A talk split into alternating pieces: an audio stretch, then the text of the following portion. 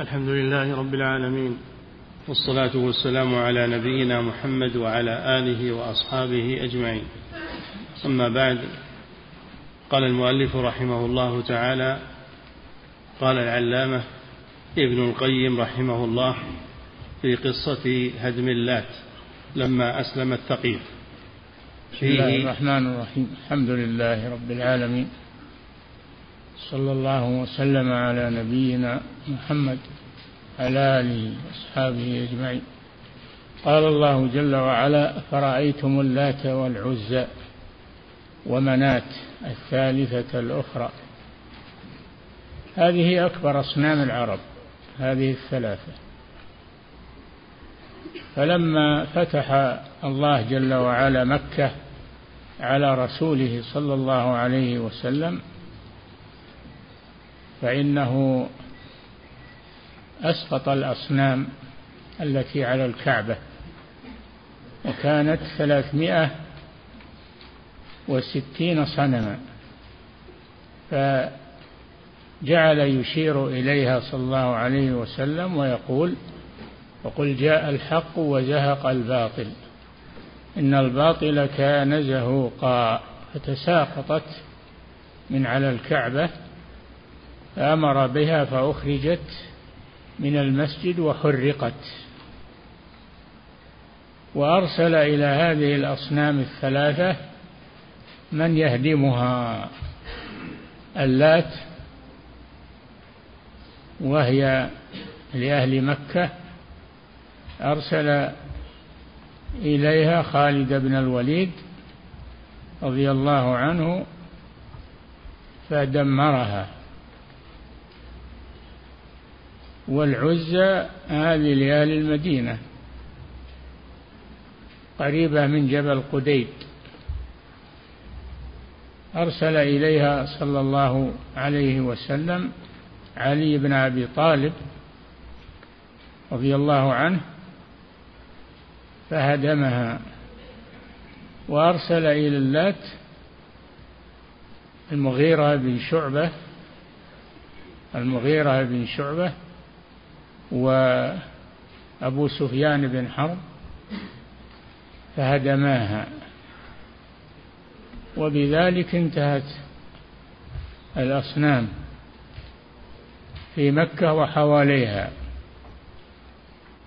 فأنزل الله تعالى هذه الآية فرأيتم اللات والعزى ومناة الثالثة الأخرى يعني أين ذهبت؟ وأنتم تزعمون أنها آلهة. هل دافعت عن أنفسها؟ أتلفت ولم تدافع عن أنفسها. ولو كانت آلهة حقا لما استطاع أحد أن يدمرها. فرأيتم اللات أين ذهبت؟ رأيتم اللات هذه لأهل الطائف والعزى هذه لأهل مكة. ومنات الثالثة الأخرى هذه لأهل المدينة في الجاهلية. فدمرها الله سبحانه وتعالى على يد رسوله صلى الله عليه وسلم. فلو كانت آلهة حقا لانتصرت لنفسها ولم تدمر. نعم.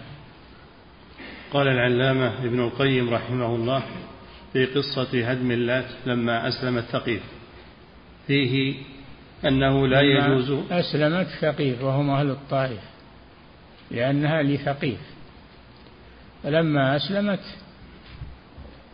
هدموها. نعم. فيه أنه لا يجوز إبقاء مواضع الشرك والطواغيت بعد القدرة على هدمها وإبطالها يوما واحدا. نعم لأن الرسول صلى الله عليه وسلم فور ما فتح الله له مكة بادر بإزالة الأصنام التي في مكة والتي خارج مكة ومنها هذه الأصنام الثلاثة اللات والعزى ومنات. دل على أنه لا يمهل في إزالة الأصنام إذا تمكن المسلمون إذا تمكن ولي الأمر ولي أمر المسلمين إذا تمكن من إزالتها فإنه يبادر بإزالتها. طلبوا من الرسول صلى الله عليه وسلم أن أن يمهلهم يوما واحدا في هدم اللات فأبى إلا هدمها. وهذا واجب ولاة الأمر. أما الأفراد يروحون يكسرون آه، الأصنام ويكسرون هذا يحدث فتنة أشد. فلا يجوز لطلبة العلم والذين ليس لهم سلطة أن يتولوا هذا الشيء إلا بأمر ولي الأمر. لأنه لا يقدر أحد أن يعارض ولي الأمر. فهو الذي يهدمها. الشيخ محمد بن عبد الوهاب رحمه الله كان كان في العيينة قبة على قبر زيد بن الخطاب لأن زيد رضي الله عنه استشهد مع الذين قاتلوا المرتدين. قاتلوهم في العيينة وقتلوهم قتل زيد بن الخطاب. بنوا على قبره قبة. تسمى قبة زيد بن الخطاب. وكانوا يطوفون بها. وينادون زيدا يطلبون منه حوائجهم.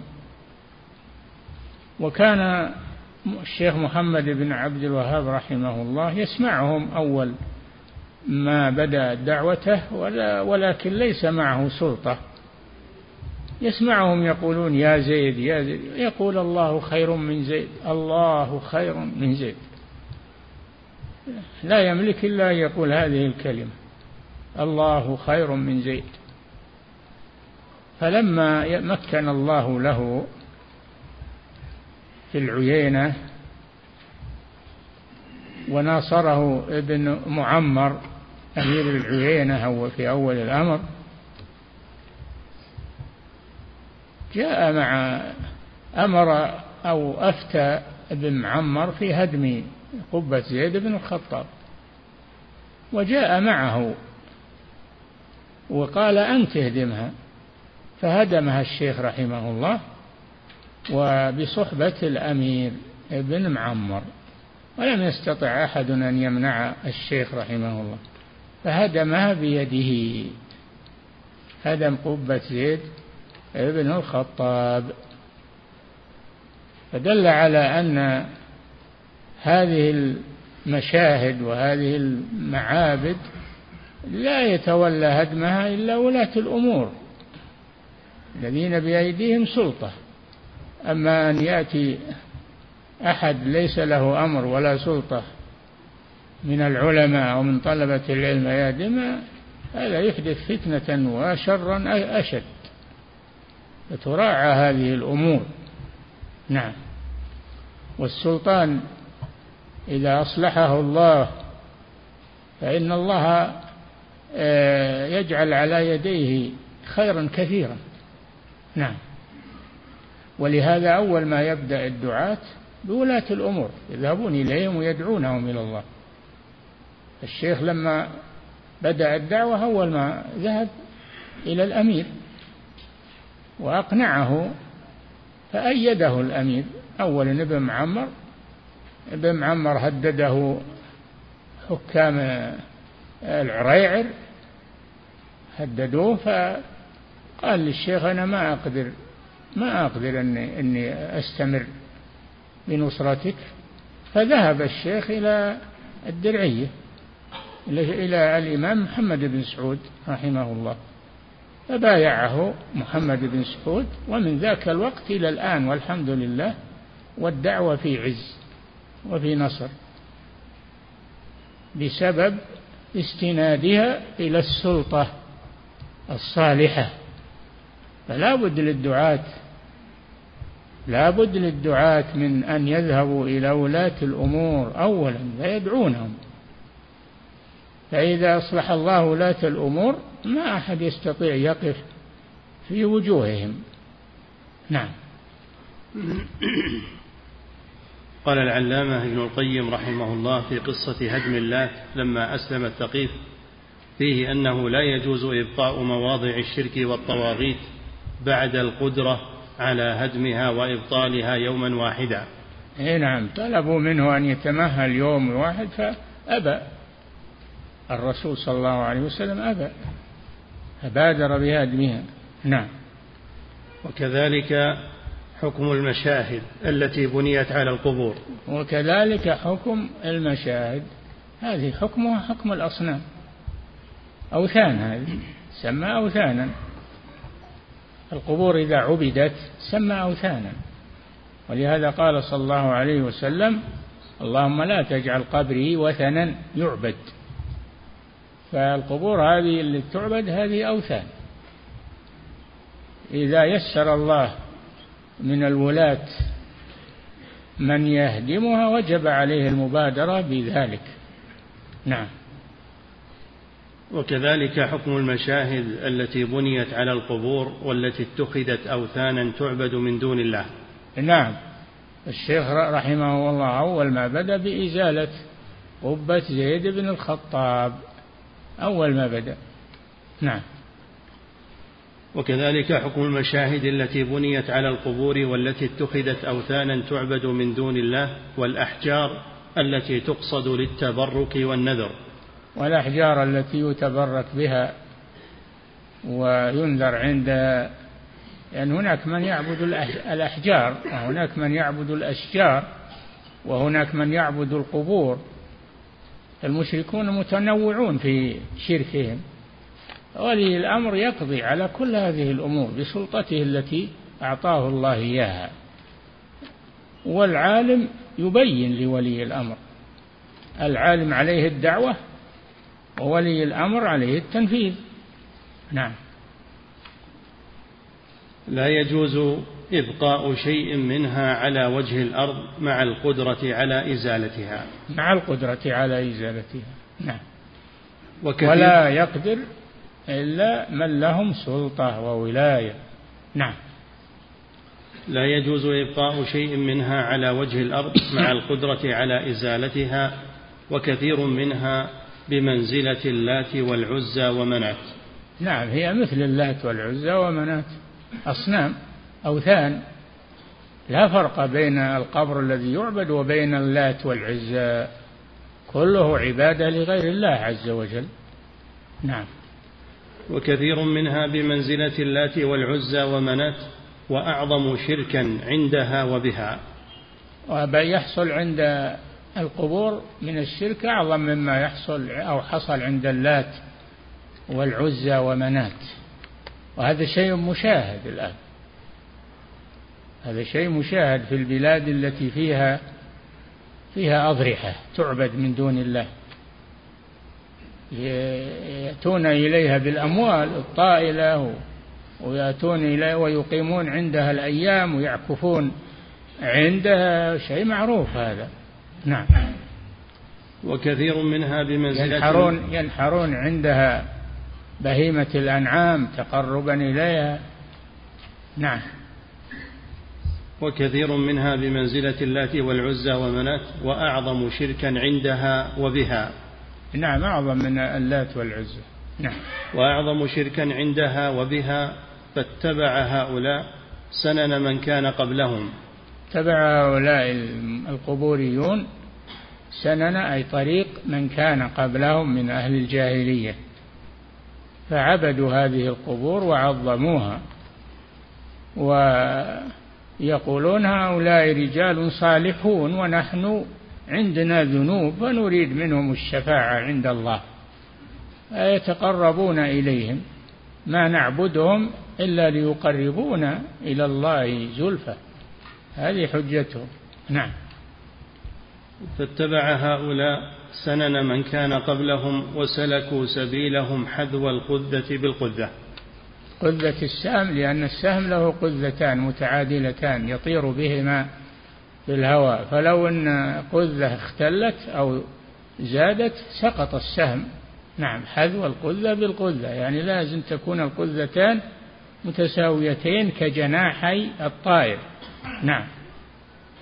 وغلب الشرك على أكثر النفوس نعم. بظهور الجهل وخفاء العلم. نعم الشرك ما هو بعيد. لو إن أهل الحق يتكاسلون عن عن مطاردته لانتشر بسرعة كسرعة النار في الهشيم لأن الشيطان يؤزهم إليه شياطين الإنس والجن وعلماء الضلال. يؤزونهم إليه ازا نعم. وغلب الشرك على أكثر النفوس بظهور الجهل وخفاء العلم. ظهور الجهل وخفاء العلم. فلا بد من العلم الذي به يعرف الحق من الباطل والهدى من الضلال والشرك من التوحيد. لا بد من العلم الموروث عن الرسول صلى الله عليه وسلم. نعم. لظهور الجهل وخفاء العلم. فلا بد من أمرين لا بد من العلم ولا بد من السلطة. نعم. لظهور الجهل وخفاء العلم فصار المعروف منكرا والمنكر معروفا. نعم. والسنة بدعة والبدعة سنة. كما أخبر النبي صلى الله عليه وسلم إذا تغافل الناس عن الشر استطار الشر وكثر وإذا بادروه وأزالوه سلموا من شره. نعم. وطمست الأعلام واشتدت غربة الإسلام. نعم أعلام الإسلام. نعم. وقل العلماء وغلب السفهاء وتفاقم الأمر واشتد البأس وظهر الفساد في البر والبحر بما كسبت أيدي الناس. هذا كلام الإمام ابن القيم رحمه الله. يحكي واقعا في وقته. والأمر يزيد ويشتد. نعم. وظهر الفساد في البر والبحر بما كسبت أيدي الناس ولكن لا تزال طائفة من العصابة ظهر الفساد يقول الله جل وعلا ظهر الفساد في البر بالجدب و والسنين و والبحر بتعطل وسائل النقل في البحر. وغرقها. هذا الفساد في البحر. نعم. وظهر الفساد في البر والبحر بما كسبت أيدي الناس. بسبب بما كسبت الباء سببية بسبب ما؟ بسبب كسبهم الضال وعملهم الباطل. هو الذي أوجب هذه العقوبات. نعم. ولكن لا تزال طائفة من العصابة المحمدية بالحق قائمين. لا تزال. مع هذا ومع كثرة الشر وكثرة انتشار الشرك في في البلاد يوجد الله من العلماء المصلحين من يقوم بإنكار هذه الأمور ويتصل بولاة الأمور فيساعدونهم فيحصل دحر الباطل. على أيدي العلماء وأيدي الولاة الصالح الصالحين. لا بد من العلم ولا بد من السلطة. تضافران. نعم. ولكن لا تزال طائفة من العصابة المحمدية بالحق قائمين ولأهل الشرك والبدع مجاهدين. لقوله صلى الله عليه وسلم لا تزال طائفة من أمتي على الحق ظاهرين لا يضرهم من خذلهم ولا من خالفهم حتى يأتي أمر الله تبارك وتعالى. نعم. ولكن لا تزال طائفة من العصابة المحمدية بالحق قائمين. العصابة يعني الجماعة العصابة والعصبة الجماعة. نعم.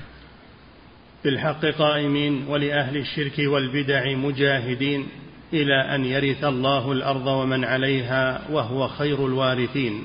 الحمد لله إن الله يبقي لهذا الدين من يقوم به. إذا تركه قوم في بلد يسر الله آه، قوما آخرين في بلد آخر. في بلد آخر. وإن تتولوا يستبدل قوما غيركم ثم لا يكونوا أمثالكم. نعم. إلى أن يرث الله الأرض ومن عليها وهو خير الوارثين انتهى ملخصا. كلام ابن القيم يعني. نعم. قلت فإذا كان هذا قلت يقول الشيخ عبد الرحمن بن حسن مؤلف فتح المجيد. نعم. قلت فإذا كان هذا في القرن السابع وقبله فما بعده؟ يعني هو عهد ابن القيم. القرن السابع عصر ابن القيم. نعم. قلت فإذا كان هذا في القرن السابع وقبله فما بعده أعظم فسادا كما هو الواقع. إي نعم كل ما تأخر الزمان كثرت الفتن وخفي العلم وانتشر الجهل. نعم. قوله وإنه سيكون في أمتي كذابون ثلاثون كلهم يزعم أنه نبي. هذا الحديث الذي أورده آه، الشيخ أورده في أول الباب حديث الطويل. الذي يقول صلى الله عليه وسلم إن الله زوالي الأرض مشارقها ومغاربها وسيبلغ ملك أمتي ما زوي لي منها ثم أخبر بما سيكون. نعم. قوله وإنه سيكون في أمتي كذابون ثلاثون كلهم يزعم أنه نبي. قال القرطبي وقد جاء عددهم معينا في حديث حذيفة قال قال رسول الله صلى الله عليه وسلم يكون في أمتي كذابون دجالون سبع وعشرون منهم أربع نسوة. أخرجه أبو نعيم وقال هذا حديث غريب انتهى. نعم كذابون ثلاثون كل منهم يدعي أنه نبي. قال صلى الله عليه وسلم وأنا خاتم النبيين لا نبي بعدي. الله جل وعلا قال ولكن رسول الله وخاتم النبي فلا يأتي بعده نبي عليه الصلاة والسلام. لأن شريعته كاملة وصالحة لكل زمان ومكان. فليست ليس الخلق بحاجة إلى نبي بل بحاجة إلى مجدد وإلى من يقيم هذا الدين من العلماء وولاة الأمور. وإلا ما جاء به رسول الله صلى الله عليه وسلم صالح لكل زمان ومكان لكن يحتاج إلى من يقوم به. نعم. وحديث ثوبان أصح من هذا. قال القاضي عياض. ثلاثون. هذول كبارهم وإلا هناك متنبئة كثير كثيرون. منهم المعاصر القادياني الذي يدعي النبوة في في بلاد في بلاد الباكستان وهو وهم محاصرون القاديانية والحمد لله منفيون ومحاصرون ولا يدخلون آه، آه، لا يدخلون الحرم لا يدخلون مكة ممنوعون من ذلك. نعم. يسمون الأحمدية. نعم. أتباع أحمد القادياني. نعم. قال القاضي عياض رحمه الله عد من تنبأ من زمن رسول الله صلى الله عليه وسلم إلى الآن ممن اشتهر بذلك وعرف واتبعه جماعة على ضلالته فوجد هذا العدد فيهم. نعم وجد الثلاثون الذين أخبر النبي صلى الله عليه وسلم لأنه لا ينطق عن الهوى عليه الصلاة والسلام فوجد هؤلاء الثلاثون. ولكن الحمد لله ليس لهم أثر ظاهر. نعم.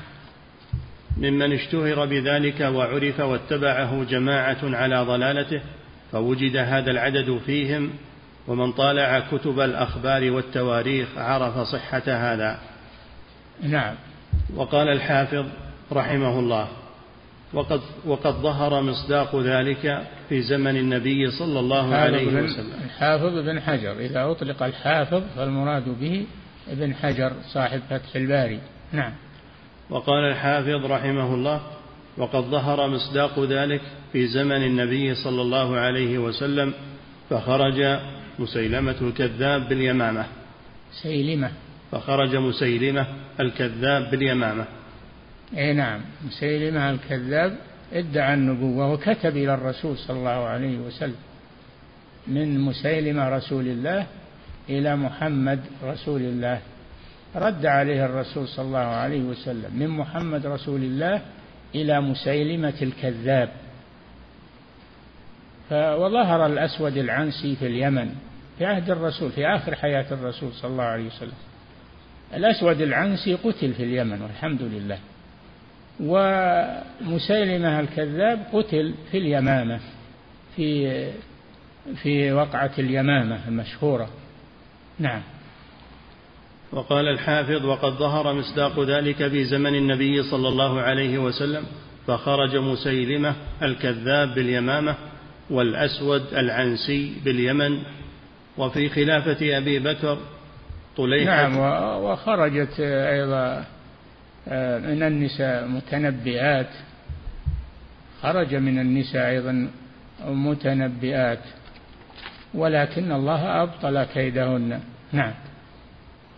وفي خلافة أبي بكر رضي الله عنه طليحة ابن خويلد في بني أسد ابن خزيمة.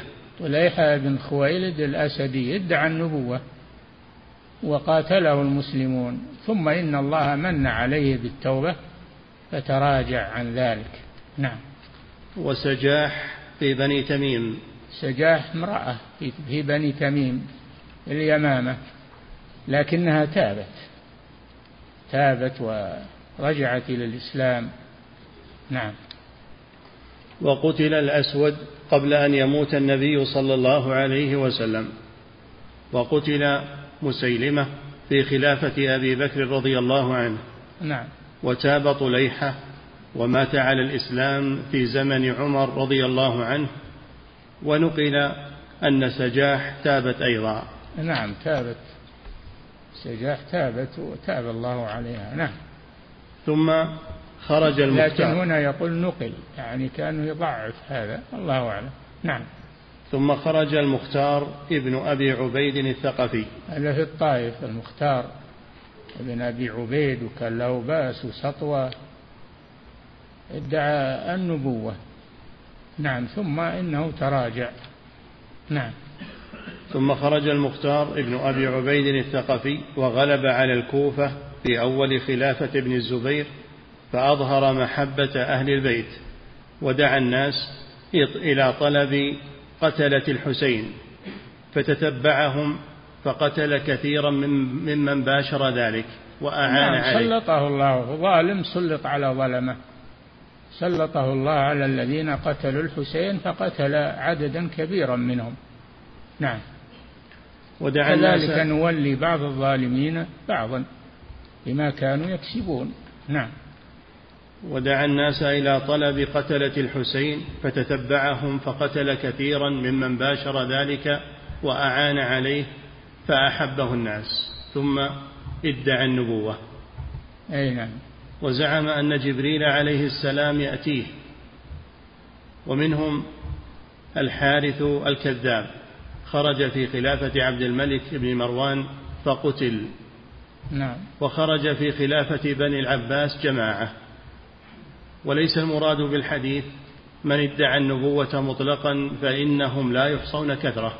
نعم. لكون غالبهم لكون غالبهم ينشأ عن جنون أو سوداء. نعم الآن فيه ما يدعون النبوة لكنهم مجانين ولا ما هم بعقلاء. ويتبين للناس خفة عقلهم. نعم. وإنما المراد واحد قام بالمسجد وقال أنا رسول الله وقام واحد ثاني قال كذاب هذا أنا الله ولا أرسلته. نعم. وليس المراد بالحديث من ادعى النبوة مطلقا فإنهم لا يحصون كثرة لكون غالبهم ينشأ عن جنون أو سوداء وإنما المراد من قامت له شوكة نعم. وبدا له شبهة كمن وصفنا. نعم. وقد أهلك الله تعالى من وقع منهم ذلك وبقي منهم من من يلحقه بأصحابه وآخرهم الدجال الأكبر. آخر الكذابين الدجال الأعور اللعين الذي يظهر في آخر الزمان المسيح الدجال. سمي المسيح لأنه ممسوح العين أعور. الدجال لأنه كذاب. نعم. أما المسيح عيسى بن مريم عليه الصلاة والسلام سمي المسيح لأنه يمسح على ذي العاهة فيبرأ بإذن الله. وأبرئ الأكمه والأبرص وأحيي الموتى بإذن الله معجزات له. نعم. قوله وأنا خاتم النبيين. قال الحسن يقول صلى الله عليه وسلم أنا خاتم النبيين. ما يأتي بعده نبي. الله قال هذا ولكن رسول الله وخاتم النبيين. نعم. قوله وأنا خاتم النبيين. قال الحسن خاتم الذي ختم به.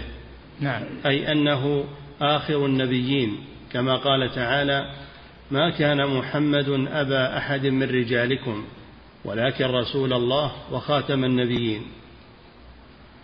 لما قالوا زيد بن حارثة ابن محمد فالله أنكر عليهم ذلك. ما كان محمد أبا أحد من رجالكم ولكن رسول الله وخاتم النبيين. نعم.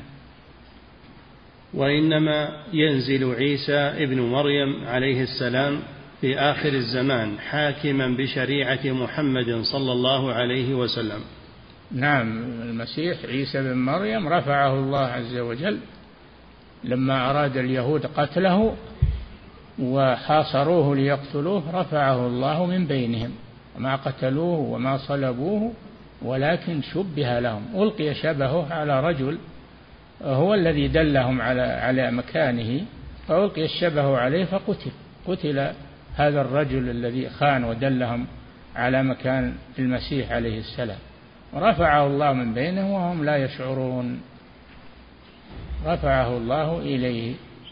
في آخر الزمان ينزل من السماء عليه الصلاة والسلام ينزل ويحكم بشريعة محمد صلى الله عليه وسلم.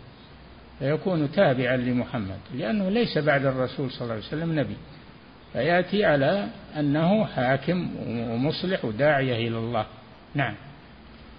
وإنما ينزل عيسى ابن مريم عليه السلام في آخر الزمان حاكما بشريعة محمد صلى الله عليه وسلم مصليا إلى قبلته فهو كأحد أمته. مصليا إلى قبلة محمد صلى الله عليه وسلم وهي الكعبة. وكان أهل الديانات السابقة يصلون إلى بيت المقدس. حتى الرسول صلى الله عليه وسلم صلى إلى بيت المقدس في أول الأمر حتى حول الله القبلة إلى الكعبة. نعم. فهو كأحد أمته بل هو أفضل هذه الأمة. نعم. فهو المسيح عيسى بن مريم آه، هو من أفاضل أمة محمد صلى الله عليه وسلم. وهو كأحد أتباع الرسول صلى الله عليه وسلم. نعم. فهو كأحد أمته بل هو أفضل هذه الأمة قال النبي صلى الله عليه وسلم. والذي نفسي بيده لينزلن فيكم ابن مريم حكما مقسطا فليكسرن الصليب وليقتلن الخنزير وليضعن الجزية. الصليب الذي يعبده النصارى يزعمون أنه على صورة المسيح. يجعلون صورة تشبه الرجل مصلوبة يقولون هذا المسيح هذا هو الصليب. نعم. فليكسرن الصليب وليقتلن الخنزير وليضعن الجزية. قوله؟ اي نعم لأنه لا حاجة إلى الجزية لأنه ينتشر الإسلام كلهم يدخلون في الإسلام فلا حاجة إلى ضرب الجزية. نعم على أهل الكتاب. نعم.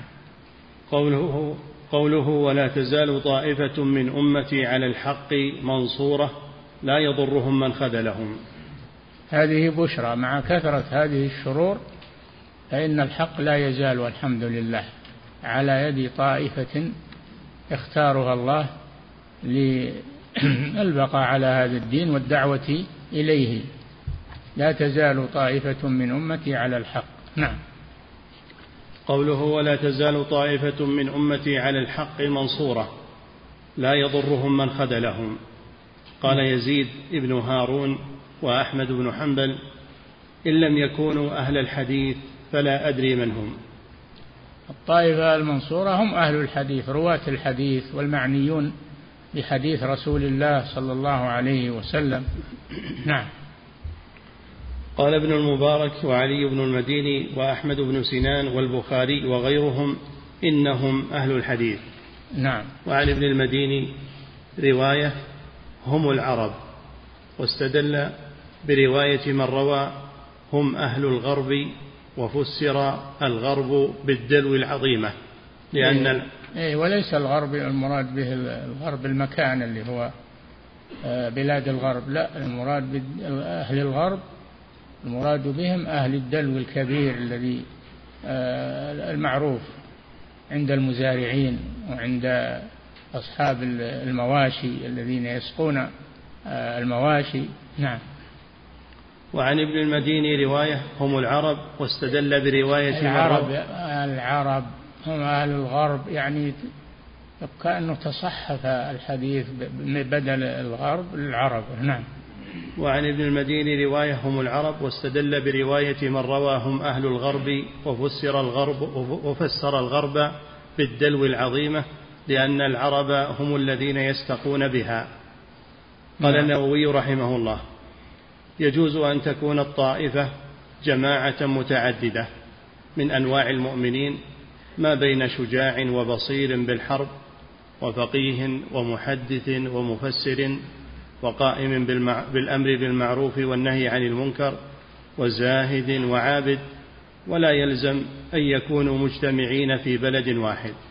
نعم قد يكونوا متفرقين لكن هم أخوة هم أخوة على هذا الدين وهذا العلم. نعم. ولا يلزم أن يكونوا مجتمعين في بلد واحد بل يجوز اجتماعهم في قطر واحد وافتراقهم في أقطار الأرض. نعم. ويجوز أن يجتمعوا في البلد الواحد وأن يكونوا في بعض دون بعض منه. ويجوز إخلاء الأرض من بعضهم أولا فأولا إلى أن لا يبقى إلا فرقة واحدة إلى أن لا, إلى أن لا يبقى إلا فرقة واحدة ببلد واحد. فإذا انقرضوا جاء أمر الله. اي نعم. حتى يأتي أمر الله. ما ينقرضون حتى آخر الزمان. نعم. فإذا فإذا انقرضوا جاء أمر الله انتهى ملخصا مع زيادة فيه قاله الحافظ. نعم. قال القرطبي وفيه دليل على أن الإجماع حجة لأن الأمة إذا اجتمعت فقد دخل فيهم الطائفة المنصورة. أي نعم. قال المصنف رحمه الله وفيه الآية العظيمة أنهم مع قلتهم لا يضرهم. المصنف الشيخ محمد بن عبد الوهاب. نعم. قال المصنف رحمه الله وفيه الآية العظيمة. فيه يعني الحديث هذا. نعم. وفيه الآية العظيمة أنهم مع قلتهم لا يضرهم من خذلهم ولا من خالفهم والبشارة بأن الحق لا يزول بالكلية. الحمد لله. نعم. قلت واحتج به الإمام أحمد على أن الاجتهاد لا ينقطع ما دامت هذه الطائفة موجودة. نعم الاجتهاد هو استنباط الأحكام من الأدلة. نعم. قوله حتى يأتي أمر الله الظاهر أن المراد به ما روي من قبض من بقي من المؤمنين بالريح الطيبة ووقوع الآيات العظام. نعم. في آخر في آخر الدنيا تأتي ريح طيبة وتقبض أرواح المؤمنين ولا يبقى في الأرض إلا الأشرار وعليهم تقوم الساعة. نعم. لا تقوم الساعة وفي الأرض من يقول الله الله. نعم. ما تقوم إلا على شرار الخلق. قال صلى الله عليه وسلم إن من شرار أمتي من تدركهم الساعة وهم أحياء والذين يبنون المشاهد على القبور من شرار الأمة. خبر الرسول صلى الله عليه وسلم. نعم. قوله حتى يأتي أمر الله الظاهر أن المراد به ما روي من قبض من بقي من المؤمنين بالريح الطيبة ووقوع الآيات العظام ثم لا يبقى إلا شرار الناس. نعم. كما روى الحاكم أن عبد الله بن عمرو قال لا تقوم الساعة إلا على شرار الخلق هم شر أهل الجاهلية. نعم. وقال عقبة بن عامر بن عمرو بن العاص. نعم. قال عبد الله كما روى الحاكم أن عبد الله بن عمرو قال لا تقوم الساعة إلا على شرار الخلق هم شر أهل الجاهلية. نعم. فقال عقبة بن عامر لعبد الله أعلم ما تقول وأما أنا فسمعت النبي صلى الله عليه وسلم يقول لا تزال عصابة من أمتي يقاتلون على أمر الله ظاهرين لا يضرهم من خالفهم حتى تأتيهم الساعة وهم على ذلك. فقال عبد الله ويبعث الله ريحا ريحها المسك ومسها مس الحرير فلا تترك أحدا في قلبه مثقال ذرة من إيمان إلا قبضته ثم يبقى شرار الناس فعليهم تقوم الساعة. نعم. وفي صحيح مسلم لا تقوم الساعة حتى لا يقال في الأرض الله الله. نعم. وعلى هذا فالمراد بقوله في حديث عقبة وما أشبهه حتى تأتيهم الساعة ساعتهم وهي وقت موتهم بهبوب الريح ذكره الحافظ. نعم. وقد اختلف في محل هذه الطائفة. فقال ابن بطال التي لا تزال على الحق ظاهرين وين مكانها؟ نعم. الظاهر أنها تتنقل في, في الأرض. نعم. وقد اختلف في محل هذه الطائفة. فقال ابن بطال إنها تكون في بيت المقدس كما رواه الطبراني من حديث أبي أمامة قيل يا رسول الله وأين هم؟ قال ببيت المقدس. نعم. وقال معاذ بن جبل هم بالشام. هم؟ هم بالشام. أي نعم. وفي كلام الطبري ما يدل على أنه لا يجب أن تكون في الشام أو في بيت المقدس دائما بل قد تكون في موضع آخر في بعض الأزمنة. نعم. قلت ويشهد له الواقع. نعم. وحال أهل الشام وأهل بيت المقدس فإنهم من أزمنة طويلة لا يعرف فيهم من قام بهذا الأمر بعد شيخ الإسلام ابن تيمية وأصحابه في القرن السابع وأول الثامن. نعم. فإنهم على الحق يدعون إليه ويناظرون عليه ويجاهدون فيه. وقد يجيء من أمثالهم بعد بالشام من يقوم مقامهم بالدعوة إلى الحق والتمسك بالسنة والله على كل شيء قدير. نعم. ومما يؤيد هذا أن أهل الحق المهم أن الله جل وعلا لا يترك دينه بدون من يقوم به ويناصره ولو كانوا قليلين. نعم. ومما يؤيد هذا أن أهل الحق والسنة في زمن في زمن الأئمة الأربعة وتوافر العلماء في ذلك الزمان وقبله وبعده لم يكونوا في محل واحد. نعم. بل هم في غالب الأمصار في الشام منهم أئمة وفي الحرمين وفي مصر وفي العراق وفي اليمن وكلهم على الحق يناضلون ويجاهدون أهل البدع ولهم المصنفات التي صارت أعلاما لأهل السنة وحجة على كل مبتدع نعم فعلى هذا فهذه الطائفة قد قد تجتمع وقد تتفرق نعم. وقد تكون في الشام وقد تكون في غيره. فإن حديث أبي أمامة وقول معاذ لا يفيد حصرها بالشام وإنما يفيد أنها تكون في الشام في بعض الأزمان لا في كلها. نعم. وقوله تبارك وتعالى. قال ابن القيم حتى يأتي أمر الله تبارك وتعالى. انتبهوا. نعم. وش معنى تبارك وتعالى؟ نعم. قال ابن القيم رحمه الله البركة نوعان. أحدها بركة هي فعله والفعل منها بارك ويتعدى بنفسه. هي فعله فعل الله يعني. نعم. والفعل منها بارك ويتعدى بنفسه تارة وبأداة على تارة وبأداة في تارة. والمفعول منها مبارك وهو ما جعل منها كذلك. فكان مباركا بجعله سبحانه وتعالى. والنوع الثاني بركة تضاف إليه إضافة الرحمة والعزة والفعل تضاف إليه إلى الله يعني. نعم. بركة تضاف إليه إضافة الرحمة والعزة والفعل منها تبارك. نعم. ولهذا لا يقال لغيره ذلك.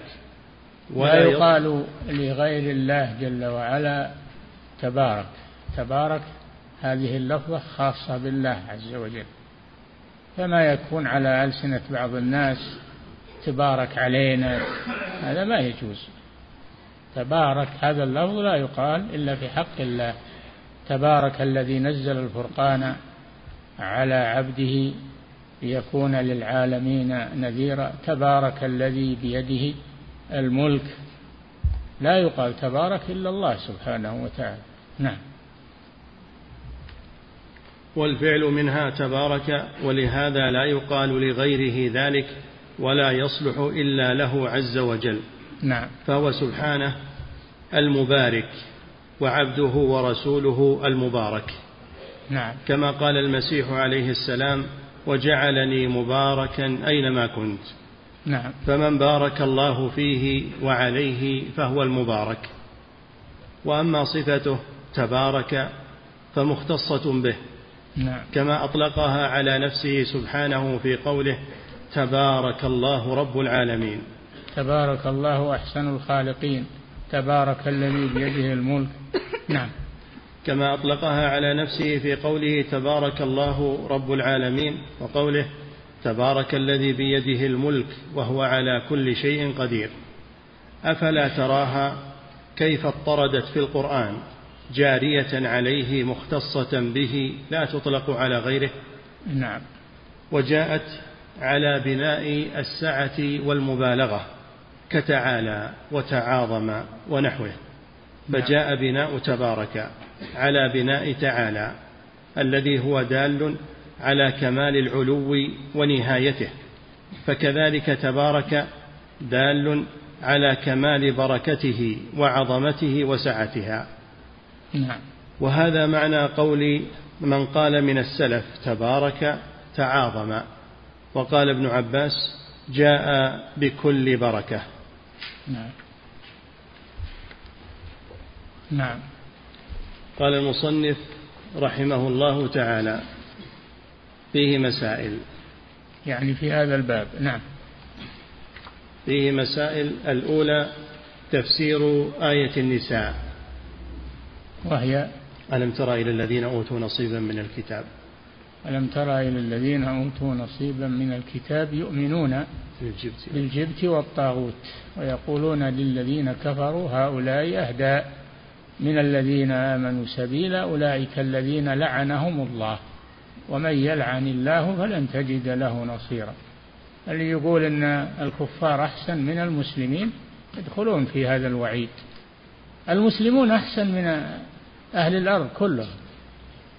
ولو كان فيهم ضعف ولو كان فيهم لكنهم أحسن. فالمؤمن خير من الكافر والمسلم خير من الكافر. نعم.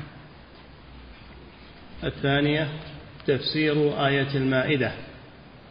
وهي قل هل أنبئكم بشر من ذلك مثوبة عند الله؟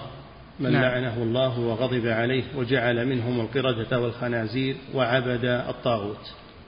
اي نعم. لما عير اليهود عيروا المسلمين وقالوا فيهم آه، صفات ذميمة رد الله عليهم. قل هل أنبئكم بشر من ذلك؟ من لعنه الله؟ هم اليهود. وغضب عليه؟ هم اليهود. مغضوب عليهم.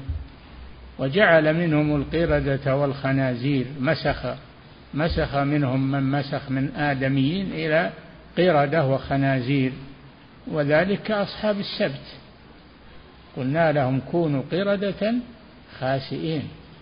نعم. الثالثة تفسير آية الكهف.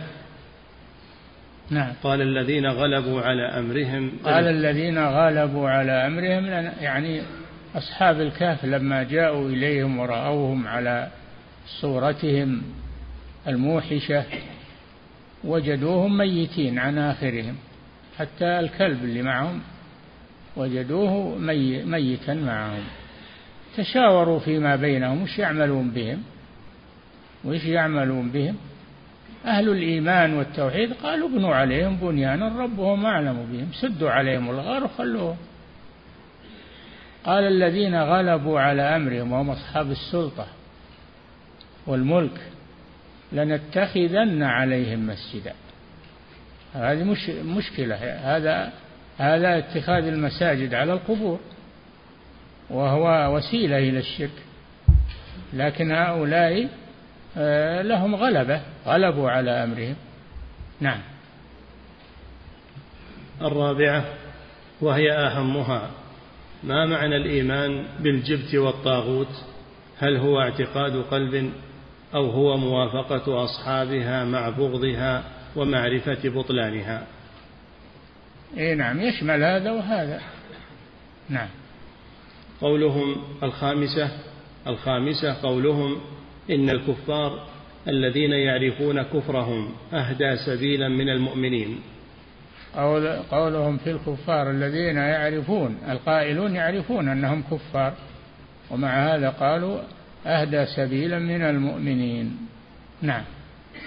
اللي فضل الكفار على المسلمين يدخل في هذا الوعيد الشديد. نعم.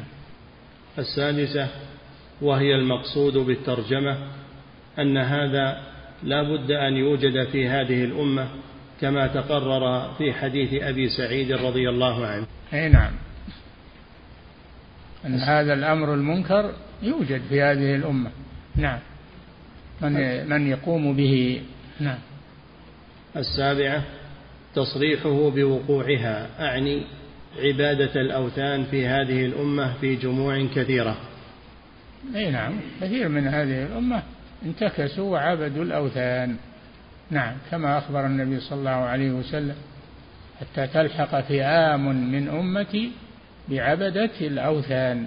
نعم. الثامنة العجب العجاب. خروج من يدعي النبوة مثل المختار مع تكلمه بالشهادتين وتصريحه بأنه من هذه الأمة وأن الرسول حق وأن القرآن حق وفيه أن محمدا خاتم النبيين ومع هذا يصدق في هذا كله مع التضاد مع التضاد الواضح. وقد خرج المختار في آخر عصر الصحابة وتبعه فئام كثيرة نعم مع أن الله قال عن محمد خاتم النبيين. صدقوا المختار أنه, أنه نبي. هذا مخالف لقول الله جل وعلا وخاتم النبيين. لكن الفتنة إذا جاءت والعياذ بالله تعمي البصائر. نعم. التاسعة البشارة لأن الحق لا يزول بالكلية كما زال فيما مضى بل لا تزال عليه طائفة. أي نعم لا تزال طائفة من أمتي على الحق حتى يأتي أمر الله تبارك وتعالى. هذا فيه بشارة إن الحق سيبقى مهما كثر الشر. نعم. العاشرة الآية العظمى أنهم مع قلتهم لا يضرهم من خذلهم ولا من خالفهم. الآية العظمى أن الطائفة التي على الحق لا تزال على الحق لا يضرهم من خذلهم ولا من خالفهم مع كثرة المخالفين وكثرة المخذلين فإنهم لا يضرون هذه الطائفة. نعم لأن الله معهم لأن الله معهم ومن كان الله معه فلن يغلب أبدا. نعم. الحادية عشرة أن ذلك الشرط إلى قيام الساعة. أن أن ذلك الشرط إلى قيام الساعة. يعني يستمر الشر ما ينقطع إلى قيام الساعة. وإن كثر الخير ووجد الخير لكن الشر يبقى أيضا. نعم. الثانية عشرة ما فيه من الآيات العظيمة منها إخباره بأن الله زوى له المشارق والمغارب وأخبر بمعنى ذلك. هذه معجزة عظيمة. خاصة بالرسول زواله المشارق والمغارب ورآها عليه الصلاة والسلام. هذه معجزة من معجزات الرسول صلى الله عليه وسلم. نعم. إخباره بأن الله زواله المشارق والمغارب وأخبر بمعنى ذلك فوقع كما أخبر بخلاف الجنوب قوله صلى الله عليه وسلم وسيبلغ زوالي المشارق والمغارب وسيبلغ ملك أمتي ما زوي لي منها وقع كما أخبر صلى الله عليه وسلم. نعم. إخباره بأن الله زواله المشارق والمغارب وأخبر بمعنى ذلك فوقع كما أخبر بخلاف الجنوب والشمال. أي نعم. اللي في القرآن وفي السنة المشرق والمغرب ما جاء الشمال والجنوب أبدا إنما المشرق والمغرب. رب المشرقين ورب المغربين رب المشارق والمغارب. نعم. وإخباره صلى الله عليه وسلم بأنه هذا والله أعلم لأن الشمال والجنوب ما ما فيها كثرة سكان ولا تصلح للسكن. نعم. وإخباره صلى الله عليه وسلم بأنه أعطي الكنزين الكنزين الذهب والفضة. نعم. وإخباره بإجابة دعوته لأمته في الاثنتين. نعم. وإخباره بأنه منع الثالثة. أي نعم. وإخباره بوقوع السيف وأنه لا يرفع إذا وقع. أنه, أنه أعطاه اثنتين ومنعه الثالثة في أنه لا يحصل قتال في الأمة. هذا سيحصل. قتال فيما بينهم. ما يجيهم واحد من خارج لكن هم يتقاتلون بينهم. حصل هذا. نعم. وإخباره بوقوع السيف وأنه لا يرفع إذا وقع وإخباره أول ما وقع السيف على خليفة رسول الله صلى الله عليه وسلم عثمان بن عفان رضي الله عنه. ثم استمر القتل بعد ذلك إلى يوم القيامة والقتل موجود في هذه الأمة يقتل بعضهم بعضا. نعم. وإخباره بإهلاك بعضهم بعضا وسبي بعضهم بعضا وخوفه على أمته من الأئمة المضلين. هذه المصيبة؟ الأئمة المضلين؟ علماء الضلال شر على الأمة وإنما أخشى على أمتي الأئمة المضلين والعياذ بالله. الأئمة من السلاطين ومن العلماء وهم أشد. أهل الضلال علماء الضلال. نعم. وإخباره بظهور المتنبئين في هذه الأمة. إي نعم الكذابين. وظهروا. نعم. وإخباره ببقاء الطائفة المنصورة. وهذا موجود والحمد لله. لا تزال طائفة على الحق والحمد لله. مع كثرة الفتن والشرور لا تزال طائفة على الحق. نعم. وكل هذا وقع كما أخبر. نعم. لا ينطق عن الهوى صلى الله عليه وسلم. نعم. وكل هذا وقع كما أخبر مع أن كل واحد منها من أبعد ما يكون في العقول. اي نعم. ما تصورها العقول ومع هذا وقع كما أخبر النبي صلى الله عليه وسلم. نعم. الثالثة عشرة حصر الخوف على أمته من الأئمة المضلين. إي نعم هم أشر على الأمة. دعاة الضلال وعلماء الضلال هم أشر على الأمة وأخطر على الأمة من غيرهم. نعم. الرابعة عشرة التنبيه على معنى عبادة الأوثان. نعم. تنبيه على معنى عبادة الأوثان. عبادة الأوثان. ما هي عبادة الأوثان؟ وين هالمسألة ذي ولا تقوم الساعة حتى يلحق حي من أمتي بالمشركين وحتى تعبد فئام من أمة الأوثان. أي نعم. قد وقع ما أخبر به صلى الله عليه وسلم. نعم. قال المصنف رحمه الله هذا في رد على أنه اللي يقولون ما يحصل في هذه الأمة كفر ولا ضلال ولا ولا. يحصل. نعم. قال المصنف رحمه الله باب ما جاء في السحر. يكفي. فضيلة الشيخ وفقكم الله في قوله صلى الله عليه وسلم لتتبعن سنن من كان قبلكم. هل هناك فرق بين السنن والسنن؟ جمع السنن جمع والسنن مفرد بمعنى الطريق والسنن الطرق. نعم. فضيلة الشيخ وفقكم الله هذا سائل يقول ما حكم الحلف بالعمر؟ مثل أن يقول الإنسان لعمري كذا وكذا. هذا يجري على اللسان بدون قصد الحلف. يجري بدون قصد الحلف. فلا يكون فيه شيء. نعم. فضيلة الشيخ وفقكم الله هذا سائل يقول في بعض الأوقات لا يكون هناك وال لفترات طويلة وذلك بسبب الثورات. فيستغرق الأمر مدة إلى أن يتولى حاكم. سؤاله في هذه المدة هل يجوز هدم المشاهد أو القبور في البلاد طالما أنه ليس هناك ولي أمر؟ لا إذا هدمتها يبنونها بأحسن ما يكون لكن السلطان يمنعهم أنت ما تمنعهم. ما.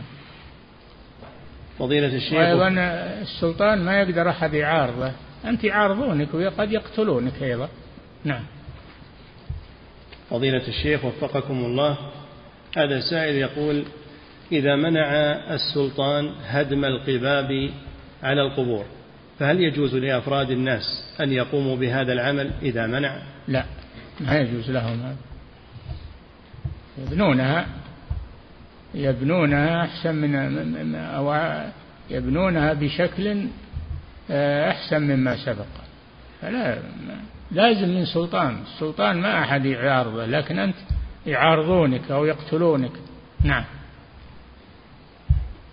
فضيلة الشيخ وفقكم الله هذا سائل يقول كيف يجاب عما يقوله بعضهم بأن عمرو بن العاص رضي الله عنه وأرضاه لما دخل إلى مصر حاكما لم يهدم الأصنام التي كانت فيها؟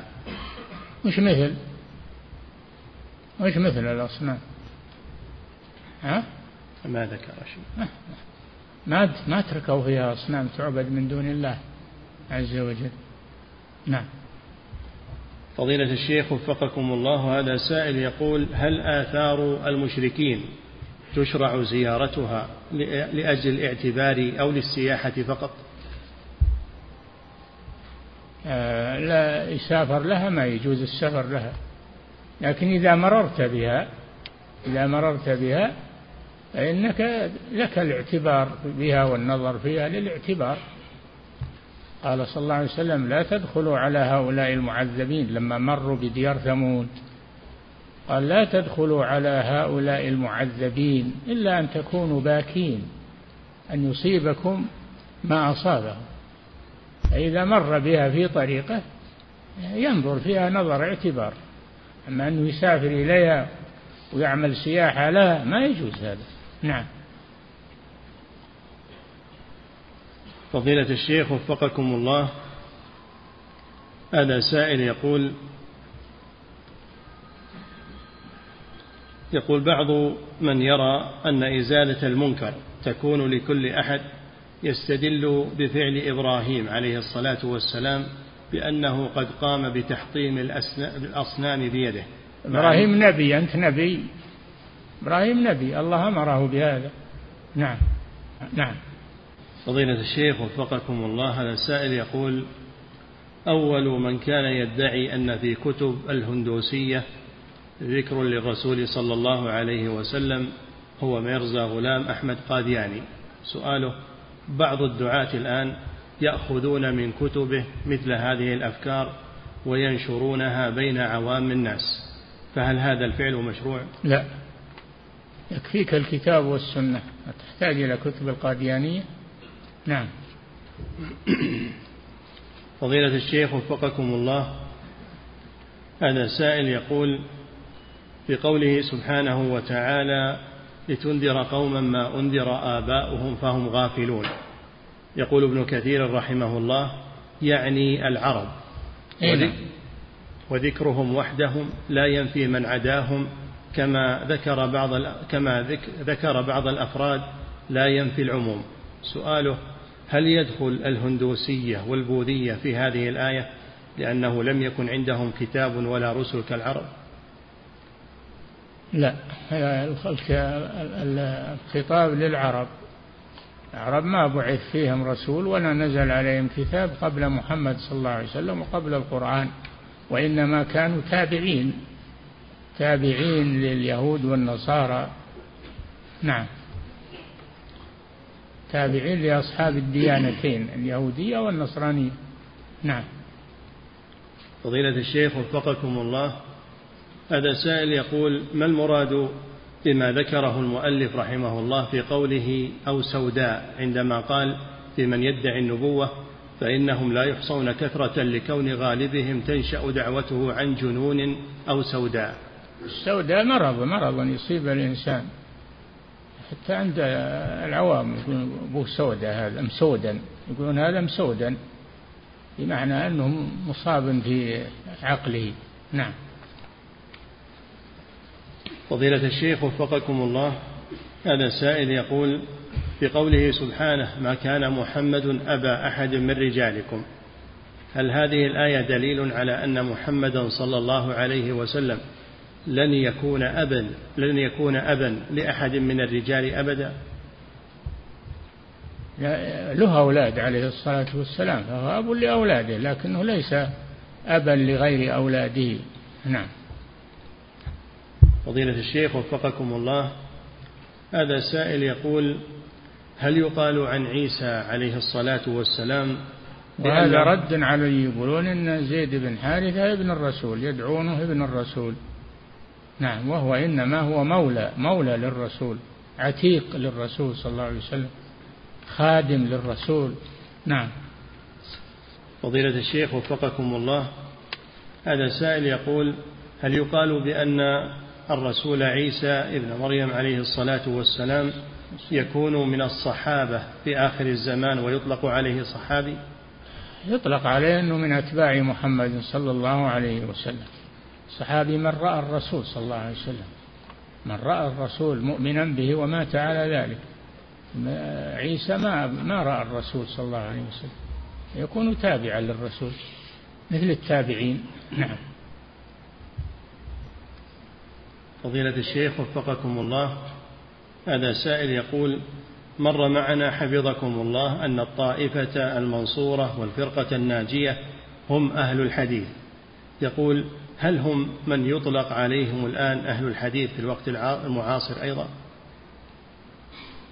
يعني منهم أهل الحديث ما هم محصورين في أهل الحديث لكن منهم أهل الحديث لأنهم أولى بذلك.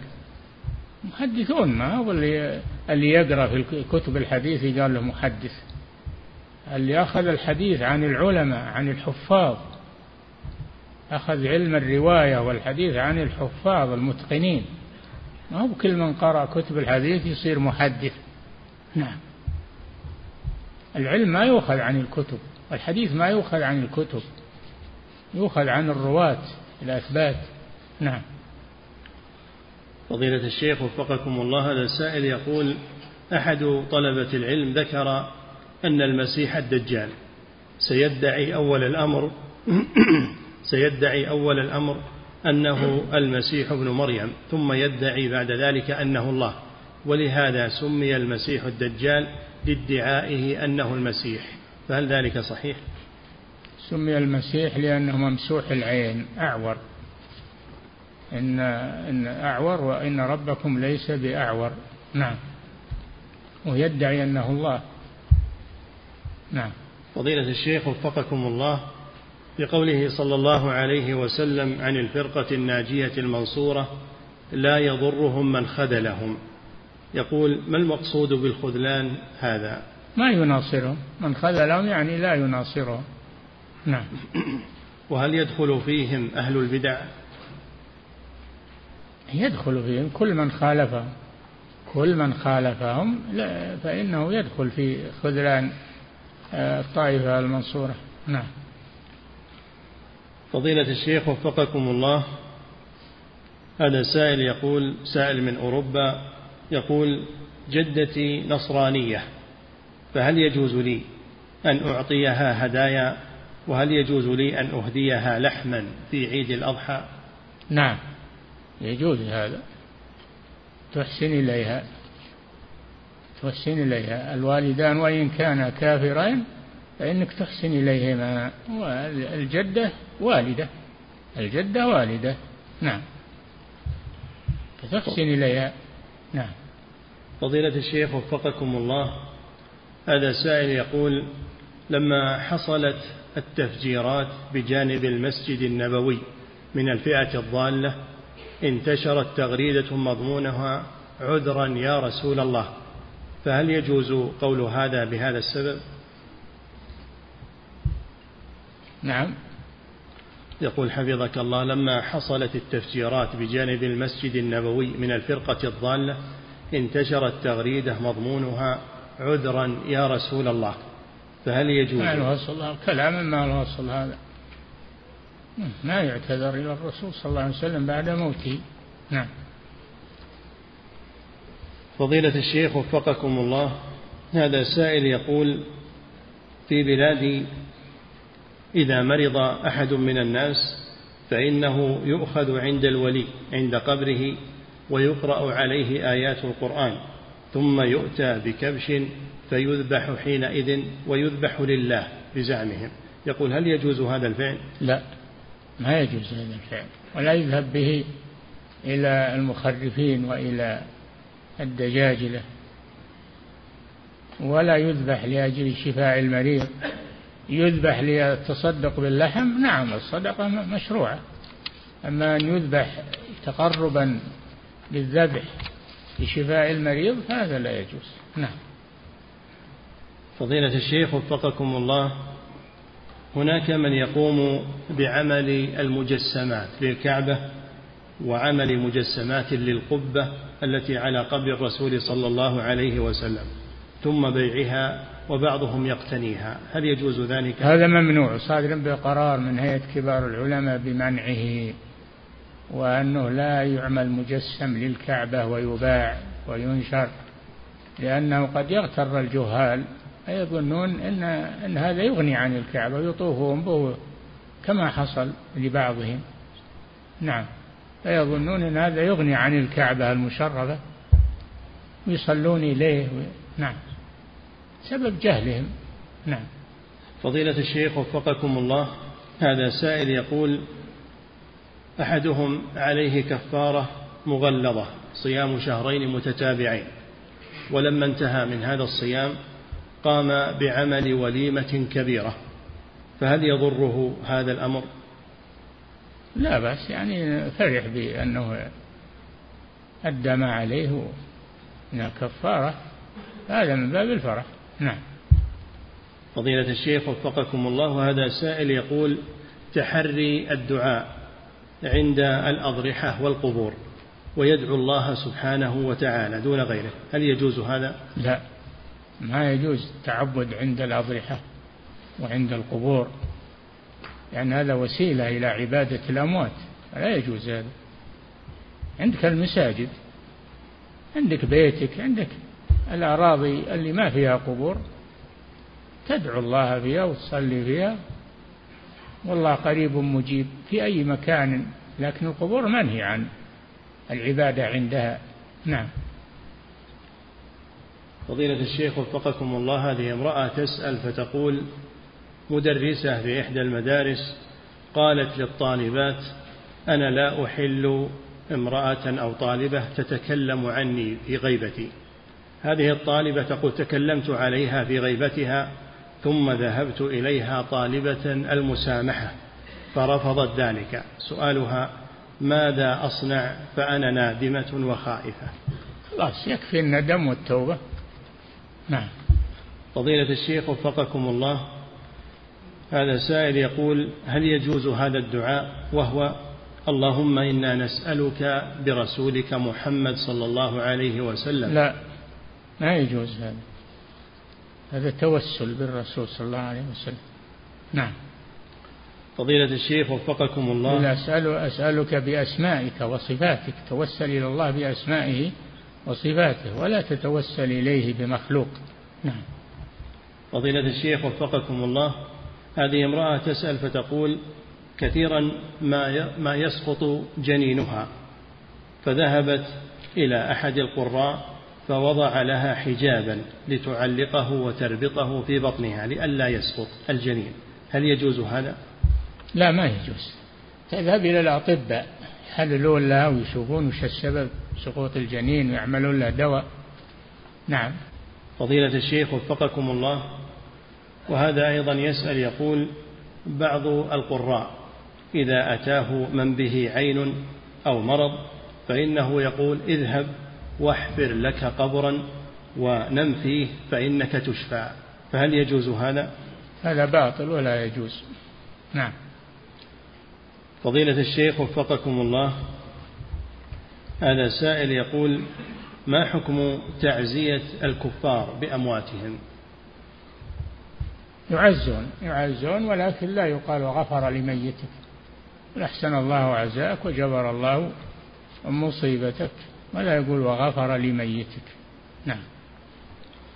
فضيلة الشيخ وفقكم الله هذا سائل يقول أنا معلم في المرحلة الابتدائية وقد انقطعت فترة عن المدرسة لظرف صحي وبعد العودة تفاجأت بأن التلاميذ في الفصل قد عملوا لي وليمة داخل الفصل احتفالا بعودتي فأكلت منها تطييبا لخاطرهم فهل فعلي هذا جائز؟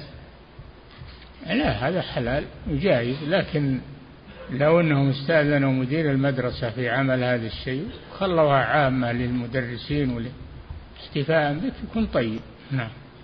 أما جعلوا في الفصل جعل الفصل محل طعام هذا ما يخالف النظام هذا. نعم. فضيلة الشيخ وفقكم الله جاء عن رسول الله صلى الله عليه وسلم أنه قال أعذر, أعذر الله إلى امرئ أخر أجله حتى بلغه ستين سنة. يقول ما المراد بهذا الحديث؟ المراد أنه ليس له عذر أنه ليس له عذر إذا لم يعمل في هذه المدة أعمالا صالحة. نعم. فضيلة الشيخ وفقكم الله هذا سائل يقول يقول هل يجوز للإنسان أن يتبول؟ الله جل وعلا يقول أولم نعمركم ما يتذكر فيه من تذكر؟ الله احتج عليهم بالعمر الذي أعطاهم. مهلة يتذكرون فيها فلم يتذكروا. نعم. فضيلة الشيخ وفقكم الله هذا سائل يقول هل يجوز للإنسان أن يتبول واقفا أكرمكم الله؟ للحاجة لا بأس. وأما لغير حاجة فيكره لكن للحاجة لا بأس. الرسول صلى الله عليه وسلم فعل هذا. نعم. فضيلة الشيخ وفقكم الله وهذه امرأة تسأل فتقول هل يجوز للمرأة أن تدفع الزكاة لزوجها؟ لا لأنه قد ينفقها عليها ويردها عليها. نعم. ثم تقول حفظك الله وإن كان لا يجوز وقد أعطيتها إياه فهل يجب أن يخرجها؟ إن كان أعطته إياه وسدد بها دينها فلا بأس. أما إذا أعطتها إياه ينفقها على البيت لا. نعم. انتهى وفق والله تعالى.